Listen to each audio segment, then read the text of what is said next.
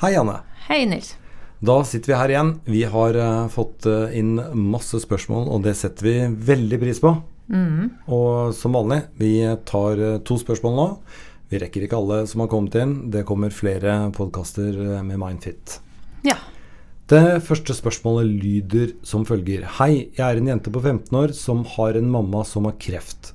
Hun har fått behandling mot dette, men den funket ikke som den skulle. Og nå de siste dagene har formen hennes eh, blitt verre. Hun ligger på sykehuset med betennelse i tykktarmen, og jeg liker ikke at det akkurat er min mamma som må være den som skal bli syk.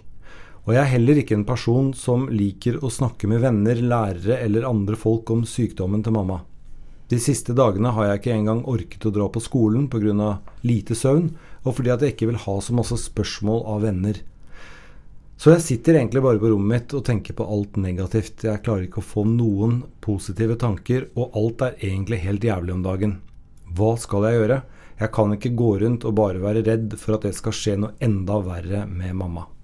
Ja, eh, jeg tenker at eh, denne jenta på 15 egentlig svarer litt sjøl på hva hun skal gjøre når hun sier at hun ikke kan gå rundt og bare være redd for at det skal skje noe enda verre med mamma. Fordi hun er i en situasjon der en kan bekymre seg i hjel, tenker jeg.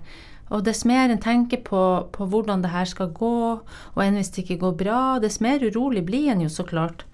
Eh, så, jeg kan jo også forstå litt at hun kanskje ikke har så lyst til å snakke med alle om det, i hvert fall ikke hele tida. Fordi eh, det er liksom viktig å forstå for dem rundt henne at, at Kanskje trenger hun pauser fra det her. Kanskje er faktisk nettopp det som kan hjelpe å få lov å gjøre vanlige ting med vennene sine, eller at ingen spør henne akkurat den dagen hvordan hun har det. Um, men det, altså jeg mener jo at folk kan bry seg og spørre. En skal ikke være redd for å spørre folk som er i vanskelige situasjoner, men, men det, det, er en utfordring også til hun at hun har faktisk lov å si at, at i dag vil jeg ikke snakke om det. Mm. Det er lov å si det, det er lov å ha det gøy, selv om du er kjempebekymra for mammaen din. For vi forstår jo at hun er det inni seg uansett. Det de, si, de fleste sier som har vært i sånne situasjoner, er vel det at eh, altså vi nordmenn er kanskje for lite flinke til å ja. spørre hvordan har du det, og hvordan går det. Ja. Og så er vi kanskje enda dårligere til å stoppe å spørre. Altså at man, man, gir på en måte en medfølelse.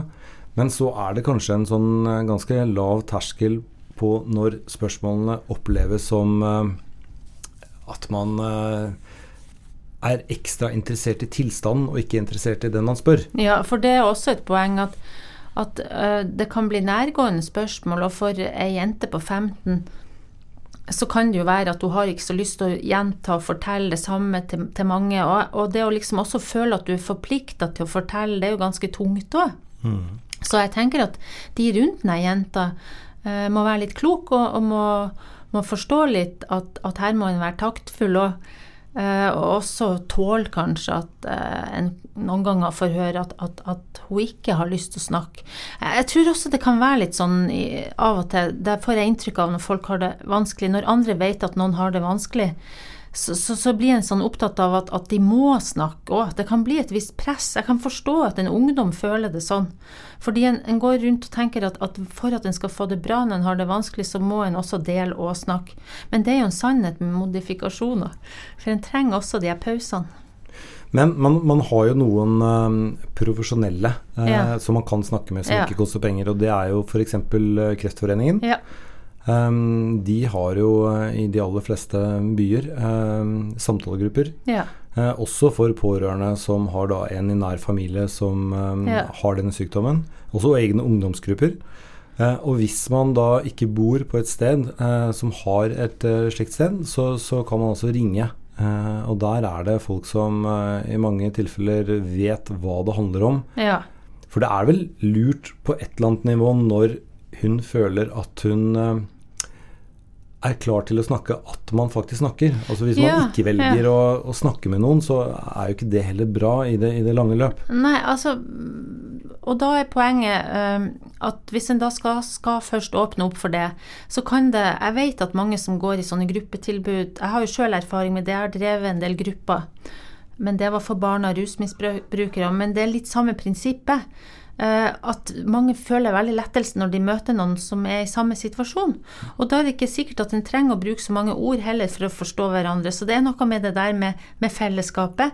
Og så tror jeg også at de her i Kreftforeningene sånn, så er de veldig klar over at, at, det, at det skal ikke bare være samtale, det skal også være en mulighet til å gjøre noe eh, aktiviteter sammen, og at en veksler litt mellom de to tingene. Det tror jeg er ganske relevant.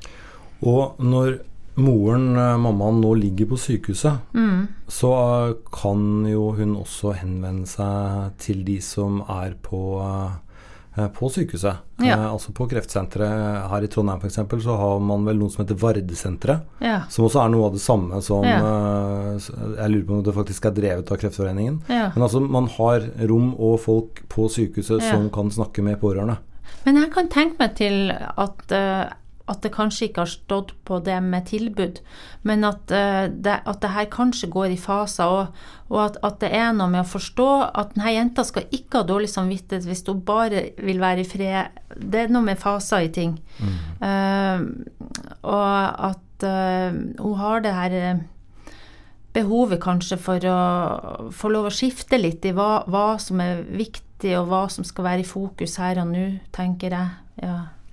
Så hun lurer på egentlig altså hva skal hun gjøre. Mm. Eh, altså Det du sier er på en måte ikke være redd for at du ikke har lyst til å treffe noen. Nei. Hvis det er det du føler er riktig, så er det riktig for deg. Mm. Eh, hvis man eh, har lyst til å snakke med noen som på en måte ikke er enten skoleelever eller lærere, eller sånt noe, så er det også et råd om å kontakte Kreftforeningen. Enten ved å dra dit eller ringe dit. Eh, man kan også få hjelp på, på sykehuset, og, og det er gode tilbud.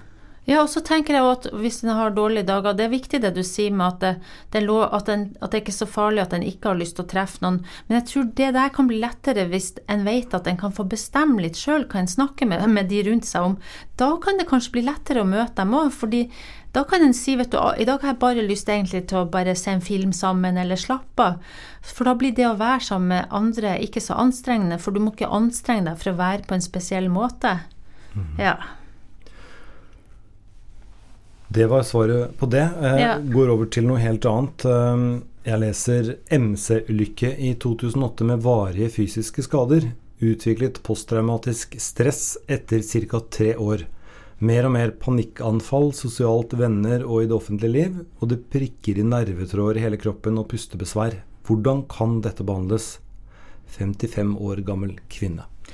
Ja, eh, vi har jo hatt spørsmål om det med posttraumatisk stress før. Uh, og jeg tenker at det kanskje vi må repetere litt, fordi det er noe med at, at det å ha posttraumatisk stress, det handler om at en har en del gjenopplevelser. Altså Hvis du har hatt en MC-ulykke, så gjenopplever du kanskje øyeblikk fra den ulykken eller fra operasjoner eller det som påfølte etterpå. Og så får du mye sånn unngåelse, f.eks. at du unngår steder eller sier eller, eller, folk, eller noe som minner om det du har vært utsatt for. Uh, mange opplever òg at de blir mer aktivert, sånn som hun beskriver her. At en får mer sånn hjerteklapp, uh, at en kanskje sover dårlig, blir mer irritabel. Uh, mange plager med en veldig sånn vaktsomhet, at de, de liksom redd for hva, hva, mer ubehagelig skal skje nå. Og alt det her til sammen Eh, kan jo gi ganske store plager, sånn at det gjør det vanskelig å fungere eh, i hverdagen, rett og slett. Hvis du plutselig i hverdagen får over deg minner som gjør at du får de her fysiske reaksjonene, så er det jo ikke så lett å, bare fortsette å late som ingenting. Og vi har jo snakka om behandling før òg, fordi jeg driver jo veldig mye med traumebehandling. Og i min praksis så ser jeg veldig ofte at, at folk nyttiggjør seg en tilnærming som kalles EMDR. Og det er en traumebehandling som innbefatter tosidig oppmerksomhetsfokus. Altså at du har fokus på ubehaget eller det som var ubehagelig da, samtidig som du følger en bevegelse i nåtid, enten i form av øyebevegelse, eller det kan være uh, hørsel, eller det kan være sånn taktil bevegelse. Og det høres jo litt rart ut, faktisk, men, men det viser seg at den der tosidigheten i oppmerksomhet gjør at ubehaget slipper. Eh, og også eh, gjør det at eh, det som har skjedd, flytter seg mer til, til fortid. For at når en har posttraumatisk stress, så er det akkurat som det som har skjedd Hjernen har ikke oppfatta helt at det er over. Så hver gang du blir minnet på det, så er det akkurat som du blir aktivert på nytt. nå skjer det igjen. Hjernen klarer liksom ikke flytte til at dette er fortid. Den, den oppfører seg som det skjer nå. Uh, så det er viktig med en bearbeiding av det her, vil jeg tenke. Uh, og jeg, har, jeg tenker at EMDR er én tilnærming til det som, som, jeg finner ganske nyttig. Så er det jo andre tilnærminger òg, det vil jeg jo si. Uh, det som er viktig når en skal få hjelp til det her, er jo å komme til noen som kan noe om posttraumatisk stress, vil jeg tenke. Det, det, er også noe med at en må lære seg å håndtere de her reaksjonene. En god del ganger så bruker jeg også elementer fra kognitiv terapi. At jeg jobber med med at, at, folk må bare Altså, det er noe med oppmerksomheten òg, hva en skal være oppmerksom på når en får sånne reaksjoner. At, at en må lære seg litt å, bare um, la det der være i fred. Bare lære seg kanskje noen pusteteknikker eller et eller annet som gjør at, at det går over, og ikke at en bygger opp en unngåelse, sånn som mange gjør da. At de unngår hele tida å kjenne på det her ubehaget, og da er erfaringa mi egentlig at da blir det bare større. Ja, for det du sier egentlig er at uh, posttraumatisk uh, stress det er ikke et skrubbsår. Altså Nei. Det går ikke over liksom av Nei. seg selv. Nei. Nei, du må søke hjelp. Ja, altså posttraumatisk stress, det å få til det helt, helt på egen hånd, det, det, det kan bli ganske vanskelig. I hvert fall når du har, har, hatt over en lang periode, sånn som i denne forbindelse, når det kommer noen år etterpå og kanskje har satt seg veldig, så er det ikke så lett på egen hånd å bli kvitt det. Det er jo mange som blir kvitt sånne her reaksjoner sånn litt umiddelbart etter at sånne hendelser skjer, da. Altså fra sånn én til seks uker etterpå, så er det jo mange som blir kvitt av seg sjøl. Og, og, det som ofte er at, at kroppen trenger kanskje å, å, bearbeide i en fase, og så slipper det igjen. Men, men, noen blir stående i det der eh, reaksjonsmønsteret uten å komme seg ut av det. Og det er veldig sånn fastlåst og vanskelig å gjøre noe med på egen hånd. Det var det vi ja. rakk denne gangen. Ja. Uh, send inn spørsmål. Vi tar imot alle spørsmål uh, med glede. Og vi skal virkelig prøve å besvare alle sammen.